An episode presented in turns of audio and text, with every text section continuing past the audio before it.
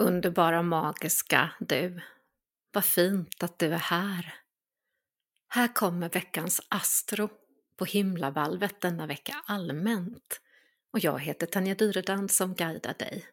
Denna vecka går solen in i Tvillingarna. Och tvillingarnas tid är här, så grattis alla tvillingar.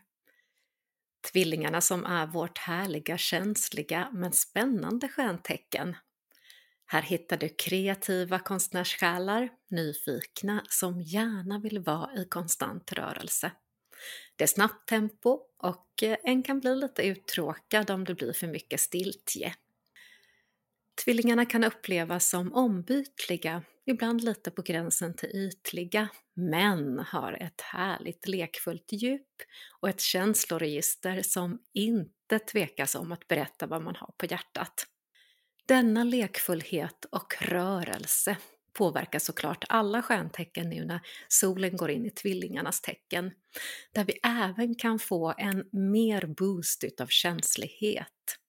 Det kan också vara så att du kan känna dig lite extra flörtig, lite lekfull, sugen på att resa eller uppleva nya saker. Så välkomna nu tvillingarnas tid denna vecka. Elementet är luft och ständiga rörelsen och äventyr och väntar pockar på din uppmärksamhet.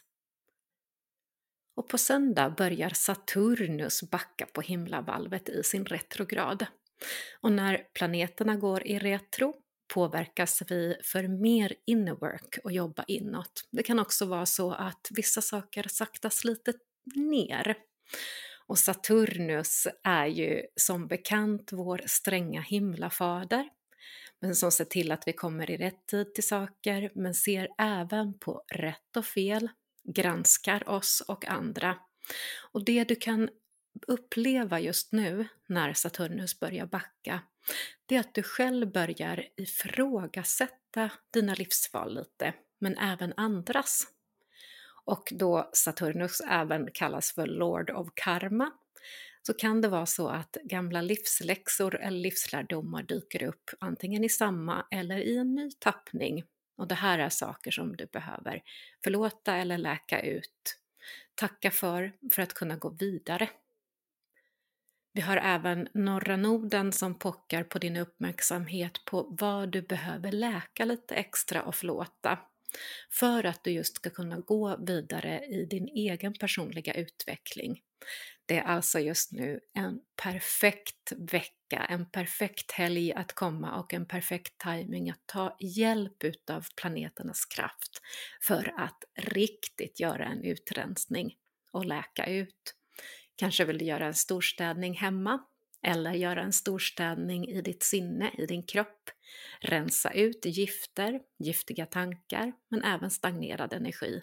Eller i hemmet, verkligen göra det medvetet mindfully och sopa ut, rensa ut, rista mattor, eh, lägga nya härliga lakan. Ja, du förstår ta in ny härlig kraft och bjud in all den härliga grönska och kraft som finns utifrån också.